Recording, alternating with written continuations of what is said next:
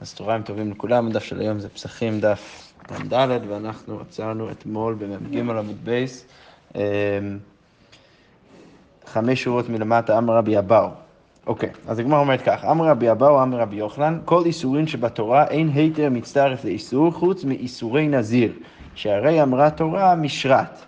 אוקיי, אז יש פה אמירה מאוד מאוד מאוד יסודית של רבי יוחנן, שבא ואומר שכל פעם, אם נגיד כדי להתחייב באכילת איסור מסוים, אני צריך לאכול כזית, נגיד, מהדבר, אז שאלה מאוד פשוטה, מה קורה אם יש לי תערובת, יש לי, אה, אה, יש לי חצי כזית חלב וחצי כזית נבלה שהם בא ביחד, ואני אוכל אותם ביחד. אז סך הכל מה אכלתי? אכלתי כזית.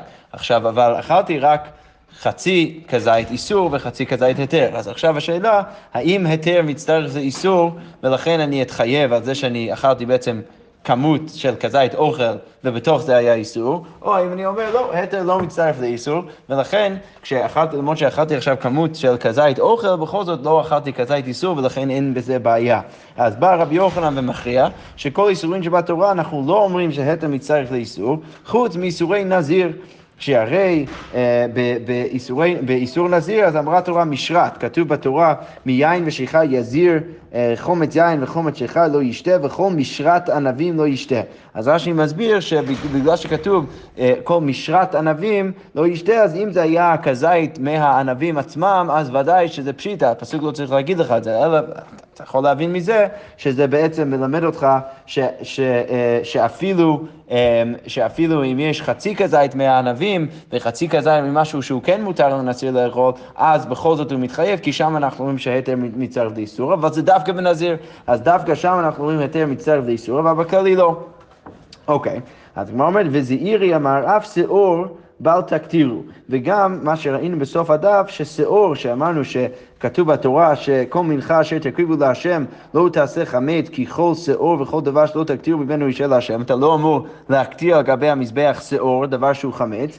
אז בא זעירי ואומר שגם זה, אה, גם בזה התר מצטרף לאיסור.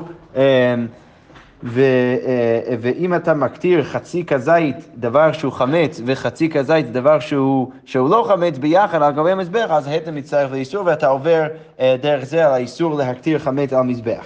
אוקיי, אז הגמרא אומרת... מה? כאילו, אתה חצי של חמץ בנפרד? כן, לכאורה כן, כן. כאילו, זה, אתה בעצם שואל שאלה טובה, כאילו, איך אני יודע מה נחשב מופרד ומה לא נחשב מופרד, נכון? יכול להיות שאחרי שנייה זה נחשב כ... כביחד, ואחרי שתי שניות, שתי שניות זה לא ביחד. זו שאלה טובה, אבל בגדול נניח שאנחנו מדברים בבת אחת מול לא בבת אחת. לכן ברור שלכולי עלמא, אם אני אוכל אה, אה, אה, חצי כזית נבלה, אני לא מתחייב. עכשיו, שאלה אם אני אוכל את זה ביחד עם משהו אחר, אני מתחייב או לא.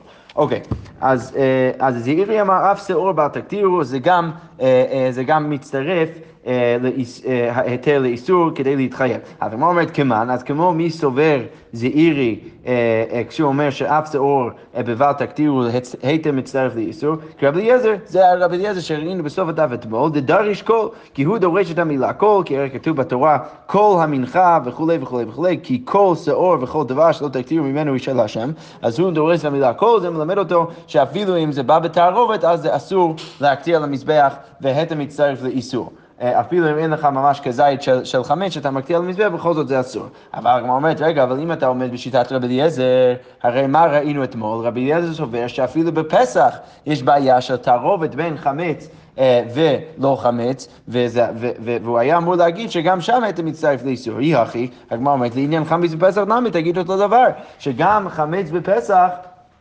אתה מתחייב, אם אתה אוכל כזית, אה, סך הכל, אה, אה, ואפילו אם אין לך כזית חמץ, בכל זאת החמץ שיש לך שם מצטרף להתר שאתה אוכל בבת אחת, וזה, והכל מצטרף ואתה מתחייב, כי אם אתה עומד בשיטת רב אליעזר, שזה דורש את המילה כל, והוא אומר שיש בעיה בתערובת, אז תגיד שיש גם בעיה בפסח עצמו, ולא רק במה שאתה מקטיר על גבי המזבח. אז הגמרא אומרת, סבבה, הנה הכי נמי, מעולה. אז אנחנו באמת אומרים ש, אה, שזעיר יגיד שאפילו בפסח אחרי שדבעי הזאת, אנחנו כן אומרים שהתם מצטרף לאיסור. אז למה זעירי ניסח את עצמו דווקא מהמבט של אה, דבר שאתה מקטיר על גבי המזבח ולא מהמבט של חמץ בפסח? כי הגמרא אומרת, ולהפוגי מידי אביי, כי זעירי רק רוצה אה, למעט את שיטת אביי. דאמר שאביי אומר, יש הקטרה לפחו מכזית, כמה שמלן דהקטרה לאו לפחו מכזית. שאביי רוצה להגיד שבכללי, אפילו אם אתה מקטיר פחות מכזית אתה מתחייב, בזה זעירי לא מסכים, ולכן זעירי רוצה להדגיש שאני לא סובר כאביי, אלא אני חושב שכדי להתחייב כשאתה מקטיר חמץ על גבי המזבח, אתה צריך, אה, אתה צריך לפחות להקטיר כזית, אבל מה שכן, זה בכל זאת כן יצטרף לאיסור, ולכן, אה, ולכן אתה תתחייב, אם, אפילו אם אתה תעשה אה, אה, פחות מכזית של, של חמץ, ברגע שאתה עושה סך הכל כזית ביחד עם היתר, אז אתה תתחייב. סבבה, אז יש לנו עכשיו ברשימה שלושה דברים. יש לנו נזיר וחמץ שאתה מקטיר גם במזבח, וגם חמץ בפסח, אז שלושת הדברים האלו, אנחנו אומרים בהם היתר מצטרף לאיסור, אבל בכלי אנחנו לא אומרים שהיתר מצטרף לאיסור.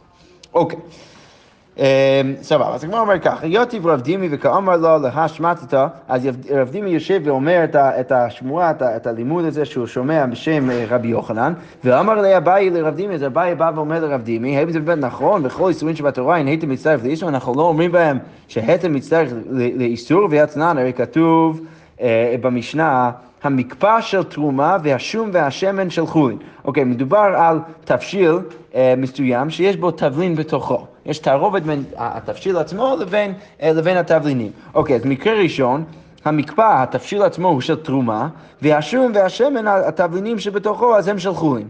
אוקיי, אז מה קורה? ונגע טבול יום במקצתן. טבול יום זה בן אדם, אנחנו יודעים שהוא עכשיו טבע והוא מחכה עד הערב כדי להיטהר, נכון? טובלים ביום, אז אתה צריך לחכות עד הערב כדי להיטהר, אז לפני שמגיע הערב, אז הוא נחשב כטבול יום, אנחנו יודעים מרבי חנינא סגן הכהנים, שהיה ממש כיף שלמדנו את זה ביחד, אז הטבול יום פוסל את התשומה כשהוא נוגע בזה, אז... אז הטבול יום בא עכשיו ונוגע בתבשיל הזה. אז הוא, הוא נוגע במקצתן, אז הברייתא או המשנה אומרת פסל את כולן, למה? כי התבשיל עצמו הוא תרומה וזה רק התבלין בתוכו של חולין, ולכן אם הוא נוגע בחלק אחד אז הוא בעצם פוסל את הכל. אבל אם זה הפוך, המקפא של חולין והשום והשמן של תרומה ונגע טבול יום במקצתן לא פסל אלא מקום מגעו בלבד, אז הוא לא פוסל אלא מקום מגעו, למה? כי הרי אה, התבשיל עצמו הוא חולין, ולכן רוב הדברים שהוא נוגע בהם זה חולין, ולכן הוא, אתה צריך להניח שהדבר היחיד שהוא באמת פוסל זה התבלינים שאותו, שבאותו מקום שהוא נוגע שם, אבל אתה לא מניח שאז זה ממשיך ופוסל את שאר, ה, את שאר התבשיל. אוקיי, אז למה זה בעייתי לענייננו? אז הגמרא אומרת, ואבינן בא, ועל זה אמרנו, מקום מגעו, המאי פסולה. רגע, למה הוא בכלל פוסל את מקום מגעו, נכון? אם אתה אומר שהתבשיל הוא של חולין, והתרומה היחידה שיש בתוך התבשיל זה רק התבלינים, אז כשהוא נוגע בתבשיל, אז לכאורה, למה אתה אפילו פוסל את החלק הזה? אז הגמרא אומרת, המי אה, פסולה, הבת הוא תבלין ברוב, הרי התבלין מתבטל ברוב, ולכן אתה יכול להסתכל על זה כאילו כשהוא נוגע בזה, הוא נוגע בחולין, אז למה אתה אפילו פוסל את החלק שהוא נוגע בו? אז הגמרא אומרת, ועל זה מה אמרנו? ואמר רבי בר חנא, מה הטעם? הואיל וזר לא כעליהם בכזית, כי הרי אם זר היה אוכל כזית מהחלק הזה, אז הוא היה מקבל מכות. זה היה נחשב כאילו הוא אוכל כזית של תשומה.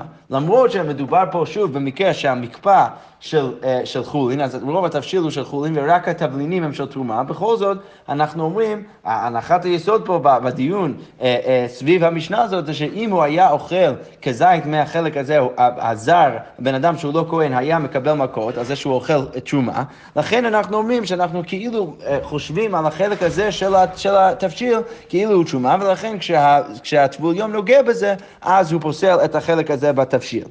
אוקיי, אז הגמרא אומרת, למה אבל... למה זה בעייתי לענייננו? כי הרי אם אתה מניח שהזר שהיה אוכל את החלק הזה אה, אה, בתוך התבשיל, הוא היה מקבל מכות, אז מה אתה צריך להגיד כדי להניח דבר כזה? אתה בעצם צריך להגיד שהיכי אה, אה, דמי, למה משום דהייתם מצטרף לעשר, אתה צריך להגיד הייתם מצטרף לעשר, למה? כי על מה מדובר? מדובר על מקפא עם תבלין בתוכו, ואתה אומר שמקום ספציפי של המקפא, אז אם הזר היה אוכל את זה, הוא היה מקבל מכות. אז אם אתה מניח שאין כזית תבלינים ממש בתוך החלק הזה ב, ב, אה, בתבשיל, אז ודאי כש, כשאתה אומר שאם הזר היה אוכל את החלק הזה, הוא היה מקבל מכות, זה בגלל שאתה אומר, היתר מצטרף לאיסור. התרומה שבתוך, בתערובת עם שאר התבשיל ששם, מצטרף לשאר התבשיל, ולכן הוא מתחייב. אבל אם אתה לא אומר את זה, אז אין לך סיבה לחייב בן אדם שאוכל דבר כזה. אז הגמרא אומרת, אמ,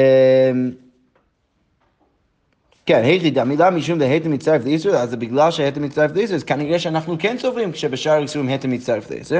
אז הוא אומרת, לא, אתה לא צריך להגיד ככה, אלא למה הבן אדם הזה חייב, אם הוא אוכל את החלק הזה בתבשיל, מהי כזית? דאיכא כזית בכדי אכילת פרס. כי, כי הרי אנחנו מניחים שבכמות זמן שהיה לוקח את הבן אדם לאכול, אה, אה, לאכול חצי לחם, אז אם היה אוכל את אותה, באותה כמות זמן הוא היה אוכל מהתבשיל הזה, הוא היה אוכל כזית מהתשומה עצמה. אז בעצם מה התירוץ של הגמרא? הגמרא אומרת לא, אנחנו לא מחייבים על מקרה שבן אדם אוכל אה, אפילו פחות מכזית מהתבלין של תרומה, בגלל שאנחנו מצרפים גם את שאר התבשיל לתוך מה שהוא אוכל, אלא אנחנו אומרים, הבן אדם מתחייב רק, רק במקרה שאם הוא היה אוכל אה, אה, כמות מסוים של התבשיל, אז אנחנו מניחים שבאמת היה אוכל אה, כזית של, אה, של תרומה. כן, הלל.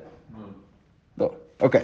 אמ, אה, יפה, ובגלל זה אנחנו אומרים שהבן אדם הזה מקבל מכות, אבל זה לא בגלל שאנחנו אומרים שהתם מצטרף לאיסור. אז שוב אנחנו בעצם תירצנו את הקושייה, ואנחנו עדיין עומדים בשיטה שברוב האיסורים אנחנו לא אומרים בהם היתר מצטרף לאיסור, אלא היתר לא מצטרף לאיסור, והבן אדם הזה שהיה אוכל חלק מהתבשיל הזה היה מתחייב רק בגלל שיש בו כזית בכדי אכילת פרס. ולכן אם הוא היה אוכל ממש בכדי אכילת פרס, את כמות האוכל הזה, הוא היה אוכל כזית.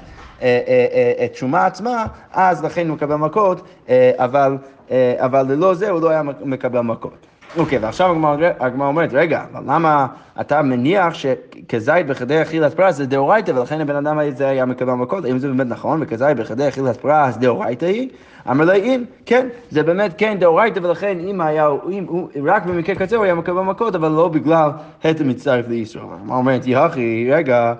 אם אתה רוצה להגיד ככה, עמי פליגי רבנן עלי דרבי אליעזר בכותח הבבלי. אבל אם אתה רוצה להגיד ככה, אז למה יש מחלוקת בין רבי אליעזר וחכמים בכותח הבבלי? כי הרי ראינו אתמול בדף ש, אה, שיש מחלוקת בתערובת בחמץ, כן? אז רבי אליעזר אומר שתערובת אסור מדאורייתא בלאו, וחכמים אומרים, שם בברייתא אומרים שהתערובת לא אסור בלאו. אבל אם אתה רוצה להגיד שכזית בכדי אכילת פרס הוא אסור מדאורייתא, אז גם חכמים היו צריכים להסכים עם רבי אליעזר ולהגיד שבכותח, שכולם מסכימים שבתוך הכותח יש, יש כזית אה, אה, אה, אה, חמץ בתוכו, שמעורב בתוכו, אז היית צריך להגיד שהדבר הזה הוא בעייתי מדאורייתא גם לשיטת חכמים. אז, אז שוב, זה נשמע שחכמים סוברים שאנחנו לא אומרים שכזית בכדי אכילת פרס דאורייתא, אלא הוא רק אה, אה, לכאורה מדי רבנן, ולכן חכמים יכולים להתיר בכותח, אבל אם אתה מניח שזה דאורייתא, אז הם היו צריכים להחמיר בכותח כמו רבי אליעזר. אלא מאי, אז הגמרא אומרת, סבבה, אז, אז מה אתה תרצה להגיד? משום דהייתם מצטרף לאיסור? מה, אתה רוצה להגיד שה... אה, אה, אה, ש... סבבה, אז הגמרא בעצם אומרת, סבבה, אז אתה רוצה לדחות את, ה, את הסיבה שהזר אוכל את ה, כשהזר אוכל את החלק הזה בתבשיל, מה אנחנו רצינו להגיד? אנחנו רצינו להגיד שהוא מתחייב בגלל שיש כזית בכדי אכיל הפרס. ואז דחינו את זה. למה דחינו את זה? כי אמרנו שאם כזית בכדי אכיל הפרס זה דאורייתא, אז היינו צריכים להגיד שחכמים אוסרים תערובת בפסח. זה שהם לא אוסרים, סימן שכזית בכדי אכיל הפרס לא אסור מדאורייתא, ולכן לא יכול להיות שזאת הסיבה שהזר שאוכל את החלק הזה בתבשיל מתחייב. אז מה אתה רוצה להגיד? למה אתה רוצה להגיד שהוא מתחייב? בואו נציע את מה שהצענו לפני כן. אתה רוצה להגיד שהוא מתחייב בגלל היתר מצטרף לאיסור? כי, כי הרי הוא אוכל את החלק הזה ולכן התבלין של תשומה מצטרף עם שאר התבשיל כדי לחייב את הבן אדם, אבל זה גם לא הגיוני. סוף סוף, אם, בין, אם אתה, בין אם אתה תגיד את זה, או תגיד את הסברה של, של כדאי, כדאי בכדי אכילת פרס, גם ככה יהיה לך בעיה עם כותח. סוף סוף עמי פליגי רבנן על ידי רבי אליעזר בכותח הבבלי, בכל זאת לא הגיוני למה הם חולקים על רבי אליעזר בכותח הבבלי, אה, אה, למה? כי אם אתה אומר שהיית מצטרף לאיסור, אז, גם בכיוון הזה היית צריך להגיד שחכמים אה, יחמירו בכותח הבבלי. שוב, בואו בוא נעשה את זה שוב. אנחנו רואים שהזר חייב, כשהוא אוכל חלק מהתבשיל, שיש בו תבלין של תשומה בתוכו. אוקיי, אז בהתחלה אנחנו רוצים להגיד שכנראה אנחנו, זה בגלל שאנחנו אומרים היתר מצטרף לאיסור. ואז אנחנו דוחים את זה, אנחנו אומרים לא, זה לא בגלל זה, זה בגלל שיש שם כזית בכדי אכיל הפרס. אוקיי, כי כזית בכדי אכיל הפרס זה דאורייתא. אה, אבל לא יכול להיות כזית בכדי אכיל הפרס דאורייתא, למה? כי אז יש לך בעיה בכותח. למה חכמים חוקים על רבי אליעזר בכותח? אה, סבבה, סבבה, אז לא נלך על הכיוון הזה, נלך על הכיוון הזה. נגיד שזה בגלל אה, אה, שהיתר מצטרף לאיסור. אבל גם ככה, אם אתה אומר היתר מצטרף לאיסור, אז גם שם אתה לא, לא ברור למה חכמים מקילים בכותח הבבלי, כי גם, אם, גם לפי הסברה הזאת הם היו צריכים להחמיר בכותח הבבלי. לכן בין כך ובין כך יש לך בעיה בכותח הבבלי. אז עכשיו אנחנו חזרנו אחורה. אין סיבה עכשיו ללכת על, על, על לצרף היתר לאיסור מאשר, מאשר להגיד כזית בכדי פרס, כי בין כך ובין כך יהיה לך בעיה בכותח. אז הגמרא אומרת, אלא הנח לכותח הבבלי דלית כזית בכדי אכיל הפרס, אלא צריך להגיד שהסיבה שחכמים לא מחמירים בכותח זה בגלל שפשוט אין בו כזית בכדי אכיל הפרס.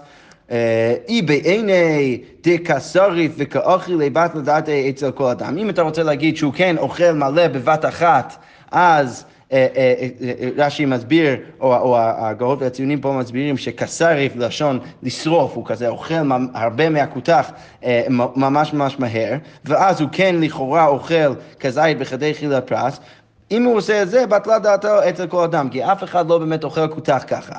ואם משטר כשטר, ואם הוא מטבל את האוכל שלו בתוך הכותח, ש- שככה בדרך כלל אוכלים את הכותח, ואוכילי, אה, אה, סליחה, אה, משטר כשטר ואוכל, לית בי כזית בכדי אכיל הפרס. אז הגמרא בעצם אומר, מה הסיבה להקל בכותח הבבלי? זה בגלל שבדרך כלל אוכלים את הדבר הזה ממש ממש לאט, כי רק טובלים או מטבילים אוכל בתוכו, ולכן מאוד הגיוני שבכמות זמן שלוקח לאכול חצי לחם, שזה אכילת פרס, פרס זה חצי לחם, אז הכמות זמן שבדרך כלל לוקח לבן אדם לאכול אה, חצי לחם, אז בתוך הזמן הזה הוא לא יאכל כזית חמץ מהכותח הזה. למה? כי הוא אוכל את זה ממש לאט. אז זה מצד אחד. אם אתה רוצה להגיד שיכול להיות שיבוא בן אדם ויאכל ממש מהר את הכותח, סבבה, אז הבן אדם הזה הוא לא עושה כדעת, כדעת כל העולם, אף אחד לא באמת אוכל כותח ככה, ולכן אתה יכול פשוט להגיד שאין כזית בכדי חיל הפרס בתוך הכותח. ולכן זה מסביר למה חכמים מקילים בכותח, ועכשיו אנחנו יכולים להגיד שבמקרה של הזר שאוכל את המקפא עם התבנין של תשומה, הוא מתחייב, אה, אה, אה, אם הוא אוכל כזית מהדבר הזה, בגלל שיש בו כזית בכדי חיל הפרס, ולא בגלל היתר מצטרף לאיסור, ושוב אנחנו נשארים בזה שהיתר מצטרף לאיסור מאוד מאוד מוגבל באיסורים מסוימים, חמץ בפסח, אה, הקדרת חמץ על גבי המזבח ונזיר ולא בשאר האיסורים. אוקיי, ועכשיו אז שוב אנחנו uh, מקשים על העניין הזה שכזית בכדי אכיל הפרס הוא דאורייתא. אז כמו אומרת, הייתי ושתי קדרות, אחת של חולין ואחת של תשומה, ולפניהן שתי מדוכות, אחת של חולין ואחת של תשומה. אז יש לך שתי... אה, אה, שתי קופות, אחד של תשומה ואחד של, של, של חולין, ולפניהם יש לך שני כלים שבתוכם יש uh, תבלינים, ואחד מהכלים יש תבלינים של חולין, ואחד מהם יש תבלינים של תשומה. אוקיי, מה קורה? נפלו אלו לתוך אלו. אז אחד מה, מה, מהכלים של, של תבלינים נופל לתוך אחד מהקדירות, וכמו כן בשני. אוקיי, אז הגמרא אומרת, מותרים. למה אפשר להתיר? שאני אומר, תשומה לתוך תשומה, תשומה נפלה וחולין לתוך החולין נפלה, נפלו, כי אתה יכול פשוט לתלוף ולהגיד שבטח התשומה נפלה לתוך התשומה והחולין נפלה לתוך החולין, ולכן אתה יכול לתלוף ולהגיד שהכל מותר. אוקיי, אז הגמרא אומרת, רגע, אבל היא אמרת כזית בכדי יחיד לפרס דאורייתא, אבל אם אתה רוצה להגיד שכזית בכדי יחיד לפרס דאורייתא, אז מה אמרינן שאני אומר? אז איך אתה יכול להגיד ש, שהתשומה לתוך התשומה נפלה? הרי אם, אם באמת התשומה נפלה לתוך החולין, אז יש לך בעיה דאורייתאי, כי יש לך לכאורה כזית בכדי יחיד לפרס בתוך התפשיר שלך, והיית צריך לעשות את זה, איך אתה יכול סתם לתלות ולהגיד שהכל נפל בדיוק למה שהוא היה אמור ליפול לתוכו? אז כמו אומרת, אמר לי, הנח לתשומת תבלין דרבנן. אה, זה ש, ש, ש, ש, שהתבלינים הם תשומה, זה רק מדרבנן, כי, כי התבלין בדרך כלל מדאורייתא לא חייב בתשומה, אלא רק מדרבנן, ולכן זה, הכל פה זה רק מדרבנן, ולכן אנחנו יכולים להקל ולתלות. אוקיי, עוד קושייה, הייתי שתי קופות, אחת של חולין ואחת של תשומה, ולפניהם שני שאין, אחת של חולין ואחת של תשומה. עכשיו אי אפשר להגיד שמדובר על, על, על uh, תשומה של תבלין שהוא רק מדרבנן, עכשיו יש לך ממש שאה של תבואה, uh, uh, אחת של חולין ואחת של תשומה, uh, ונפלו אלו לתוך אלו מותרים, אז בכל זאת אנחנו אומרים מותרים. למה שאני אומר חולין לתוך חולין נפלו ותשומה לתוך תשומה נפלה?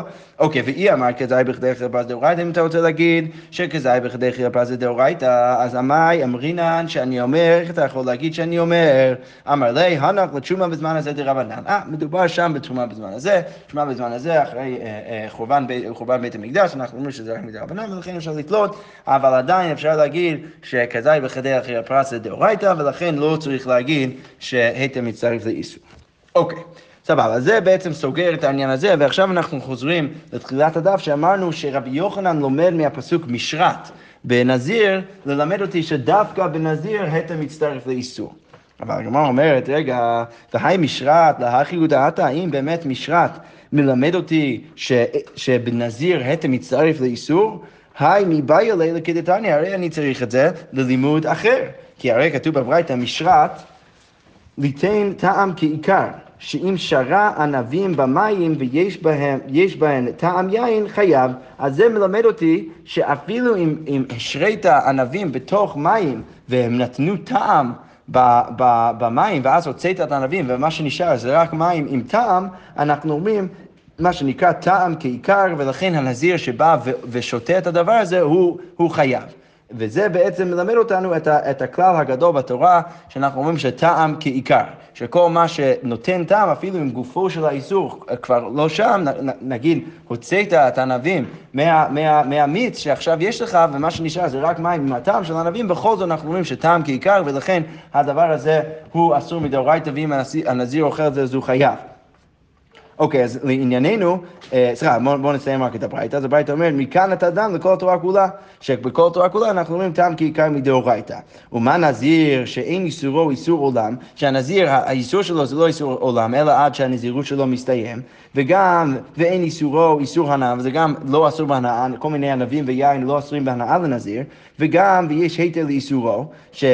אה, שאם הוא רוצה אה, איכשהו אה, לבטל את הנזירות שהוא לקח על עצמו לאכול בכל מיני דרכים שונים, אז אם במקרה כזה, בנזירות, שזה איסור יחסית קל, אנחנו אומרים שעשה טעם כעיקר, אנחנו אומרים שטעם נחשב כעיקר, אז בכלאיים שאיסורו איסור עולם ואיסורו איסור הנאה ואין היתר לאיסורו, אז אין עוד דין שיעשה טעם כעיקר, אז ודאי שבכלאיים אנחנו נגיד שטעם כעיקר. והוא הדין לעורלה וכמו כן בעורלה בשניים, רש"י אומר שיש שתי קו וחומרים שאתה יכול לעשות, אה, שבעצם אה, ודאי שבעורלה אנחנו נגיד טעם כעיקר, בעצם מוכח כמו מהברייתא, שלומדים מנזיר שטעם כעיקר מדאורייתא, ולכן אפשר גם להשליך את זה לשאר האיסורים ולהגיד שטעם כעיקר מדאורייתא.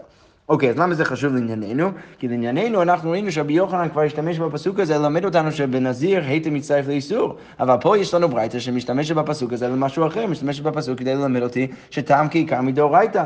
אז הגמרא אומרת סבבה, המאני, רבנני, הברייתא הזאת זה רבנן. שבאמת רבנן לומדים ממשרת שטעם כעיקר מדאורייתא. ורבי יוחנן דמר כרבי עקיבא, רבי יוחנן סובר כרבי עקיבא, שרבי עקיבא לא לומד מהפסוק הזה טעם כיכר מדאורייתא, אלא הוא לומד מהפסוק הזה, אה, כמו שרבי יוחנן לומד, שהיית מצטרף לאיסור בענייני נזיר. אוקיי, אז הגמרא אומרת, היי רבי עקיבא, איזה רבי עקיבא אתה, יש לנו ש, שברור ממנו שרבי עקיבא לומד שבנזיר היתר מצטרף לאיסור, אילם רבי עקיבא דמתניתין, אם אתה רוצה להגיד שזה רבי עקיבא מהמשנה, דתנן, כי כתוב במשנה, רבי עקיבא אומר, נזיר ששרף איתו ביין ויש בו לצרף כדי כזית חייו, ש... לכאורה משמע מזה שרבי עקיבא יגיד שהפת, הלחם והיין מצטרפים לכזית לחייב את הנזיר, זה לא בהכרח נכון. וממאי דמפת ומיין. מאיפה אתה יודע שרבי עקיבא מדבר דווקא שם על יש כזית בין בפת בין ביין ביחד? אולי דילמה מיין לחודה, אולי רבי עקיבא מתכוון להגיד שאם יש כזית יין בתוך הפת, אז הוא מתחייב. אבל אין שם ראייה שרבי עקיבא סובר שהיית מצטרף לאיסור בנזיר. וכי תימא, אה, אולי אתה תרצה להגיד שם הברייתא מיין לחודי מאי לממרא, אז, אבל רגע, אם אתה רוצה ככה לפרש את הברייתא, אז אין שום חידוש, נכון? ברור שרבי עקיבא יגיד לך שאם הוא, הוא, בסוף יש כזית יין בתוך הלחם, ודאי שאתה חייב, ולכן אין שום חידוש, ולכן צריך להיות שהפשט בברייתא זה שרבי עקיבא אומר שזה בצירוף הלחם והיין ביחד יש כזית, לא, זה לא בהכרח נכון. הקמא שמלן, דאב אגב לתערובת, שאפילו אם יש תערובת, כל עוד יש כזית בתוך היין, אז אה, הנזיר חייב. אבל אין לנו עדיין עדות על זה שרבי עקיבא סובר שבנזיר היתר מצטרף לאיסור. אז הגמרא אומרת, אלה רבי עקיבא דברייתא, זה לא רבי עקיבא במשנה, זה רבי עקיבא מהברייתא, שעכשיו זה יהיה מפורש. דתניא רבי עקיבא אומר, נזיר ששרה פיתו ביין ואכל כזית מפת ומיין חייב, שאפילו אם הכזית מגיע רק דרך הצירוף של הפת והיין, בכל זאת אה, הנזיר חייב, כי בנזיר אנחנו רואים התר מצטרף לאיסור. אז מה זה מלמד אותנו? שרבי עקיבא סובר שבנזיר התר מצטרף לאיסור. אז כנראה שרבי עקיבא לומד את זה מהפסוק, שמשם רבי יוחנן גם לומד את זה. אז אנחנו אפשר, יכולים להגיד שלמרות שיש ברייתא אחרת שמשתמשת בפסוק ללמד על טעם כעיקר, אה, זה שיטת חכמים שלומדים מהפסוק הזה טעם כעיקר, ורבי, ורבי יוחנן פשוט סובר כרבי עקיבא שמשתמש בפסוק הזה כדי ללמוד אה, שהתר מצטרף לאיסור בנזיר. אוקיי, ועכשיו נשאל לנו אבל שאלה, רגע, סבבה, אז חכמים לומדים מהפסוק בנזיר שטעם כעיקר מדאורייתא, אז עכשיו מאיפה, אבל רבי עקיבא לא, לא משתמש בפסוק הזה כדי ללמוד את זה, אז מאיפה רבי עקיבא יודע שטעם כעיקר דאורייתא? אז הגמרא אומרת, רבי עקיבא טעם כעיקר מנהלה, מאיפה הוא יודע שטעם כעיקר אה, מדאורייתא? אז הגמרא אומרת, יליד מבשר בחלב, הוא לומד את זה מהאיסור בשר בחלב. לאו תמה אה, בעלמא הוא ואסור, אז הכנמי לא שנה. אז רבי עקיבא בא ואומר, בשר בחלב, אז איך זה נאסר? אם יש טעם של חלב בתוך הבשר, זה, זה, זה הופך להיות אסור, וזה רק טעם. אז כיוון שאנחנו רואים שבבשר בחלב, הבשר נאסר על ידי חלב, שזה רק טעם, או אפילו הפוך, זה אולי אפילו יותר טוב, שאם יש לך בשר שנופל לתוך חלב, והוא נותן טעם בחלב, אז אפילו אם אתה מוציא את הבשר, עדיין החלב תהיה אסור, אז ברור שאתה אומר שטעם כעיקר מדאורייתא שם בבשר וחלב.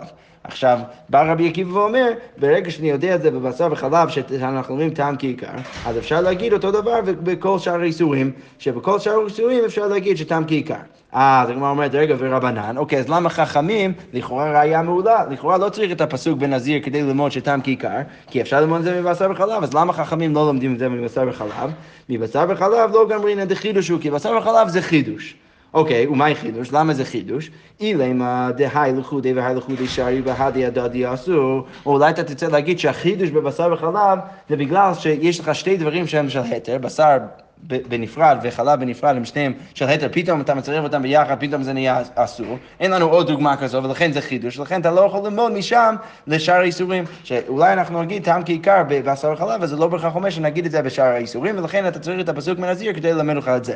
אבל זה לא נכון, זה לא יכול להיות החידוש בבשר וחלב, למה? כי כליים נמי זה אותו דבר בכליים, היי לחודי והי לחודי שרי והדדי אסור, יש לנו עוד דוגמה כזו, ולכן זה לא, זאת לא, זה לא יכול להיות החידוש שיש בבשר וחלב, אלא צריך עוד חידוש ש... שבעצם מלמד אותנו שאי אפשר ללמוד מבשר בחלב לשאר איסורים, ולכן צריך את הפסוק בנזיר. אז הגמרא אומרת, אלא מה החידוש בבשר בחלב? דאיתרו לי כולי יומא בחלבה שרי, בשילי בשולי אסור. אה, מה החידוש בבשר בחלב? שזה רק נאסר דרך בישול. אם לכאורה בפשט הגמרא, כל הראשונים אומרים שזה לא נכון, אבל לכאורה בפשט הגמרא, אם אתה שם בשר בתוך חלב כל היום כולו, כל עוד הכל צונן ואתה לא מבשל אותם ביחד, אתה מוציא את הבשר, הכל מותר. חמי, הראשונים באים ואומרים שזה מותר רק מדאורייתא, מדרבנן זה אסור. בסדר, אבל בכל זאת יש פה חידוש ענק בבשר וחלב, שזה רק נאסר על ידי בישול. אבל אם, אם שמת את זה, שהכל היה צונן, אה, אה, בשר בתוך החלב, אז אה, שום דבר לא נאסר, ולכן כיוון שיש חידוש בדין של בשר וחלב, אז לכן זה שטעם כעיקר נכון בבשר וחלב, זה לא בהכרח אומר שאני יכול אז להשליך את זה לשאר האיסורים, ולכן אני צריך את הפסוק בנזיר כדי ללמד אותי את זה.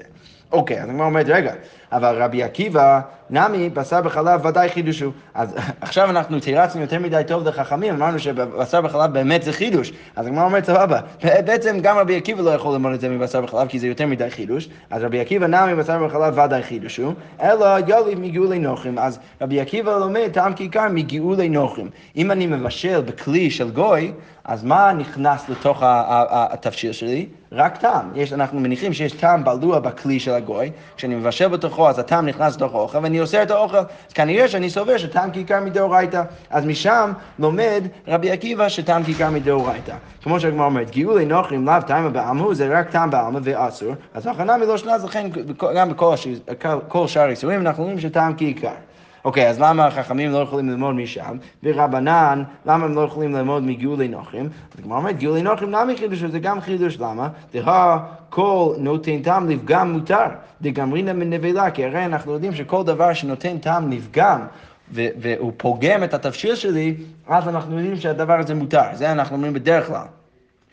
אה, ובכל זאת, בגאולי נוכרים, שהחכמים כרגע מניחים שכל גאולי נוכרים, כל טעם שהכלי של הנוכרי ייתן בתוך התפשיל שלך יהיה לפגם, אז למרות שבדרך כלל אנחנו רואים שטעם נותן טעם לפגם מותר, בכל זאת בגאולי נוכרים אנחנו רואים שזה אסור. ולכן זה ממש, זה, זה דין מאוד מאוד מחודש, ולכן אם זה דין מחודש, אז אי אפשר ללמוד מזה לשאר איסורים.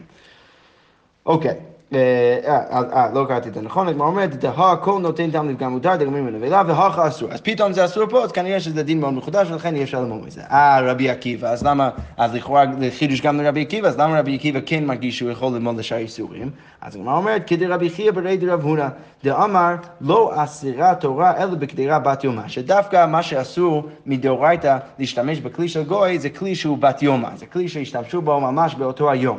ולכן, אם, ההנחה היא שאם ישתמשו בה ממש באותו היום, הילקח לאו נוטי טעם לפגם, זה לא נחשב נוטי טעם לפגם, ולכן זה לא דין מחודש, נכון? זה מאוד הגיוני שאם הכלי לא נותן, לא נותן טעם לפגם בתפשיר שלי, אלא נותן בו טעם לשבח, שאני אאסור את זה. ולכן אין פה חידוש בדין של גאולי נוכרים, ולכן אני יכול ללמוד לשאר איסורים שטעם כיכר מדאורייתא. אבל כמו אומרת ורבנן, אז למה הם עדיין חושבים שזה חידוש? כדירה בת יומה נמי לא אפשר דלא פגמה פרוטה. צריך להיות שהוא אולי טיפה כן פוגם את התפשיר, ולמרות שאנחנו בדרך כלל אומרים שנותן טעם לפגם, הוא מותר פה אה, אה, אה, בתפשיל ובכלי של הגוי, למרות שהוא נותן טיפה טעם לפגם בתוך התפשיל שלי, בכל זאת אני אומר שזה אסור, ולכן זה דין מאוד מאוד מחודש, ולכן חכמים באים ואומרים שאי אפשר ללמוד מהדין הזה לכל שאר האיסורים, ולכן הם צריכים להשתמש בפסוק מנזיר כדי ללמוד טעם כעיקר, ורבי עקיבא לומד את זה מגאולי נוכרים. ערך.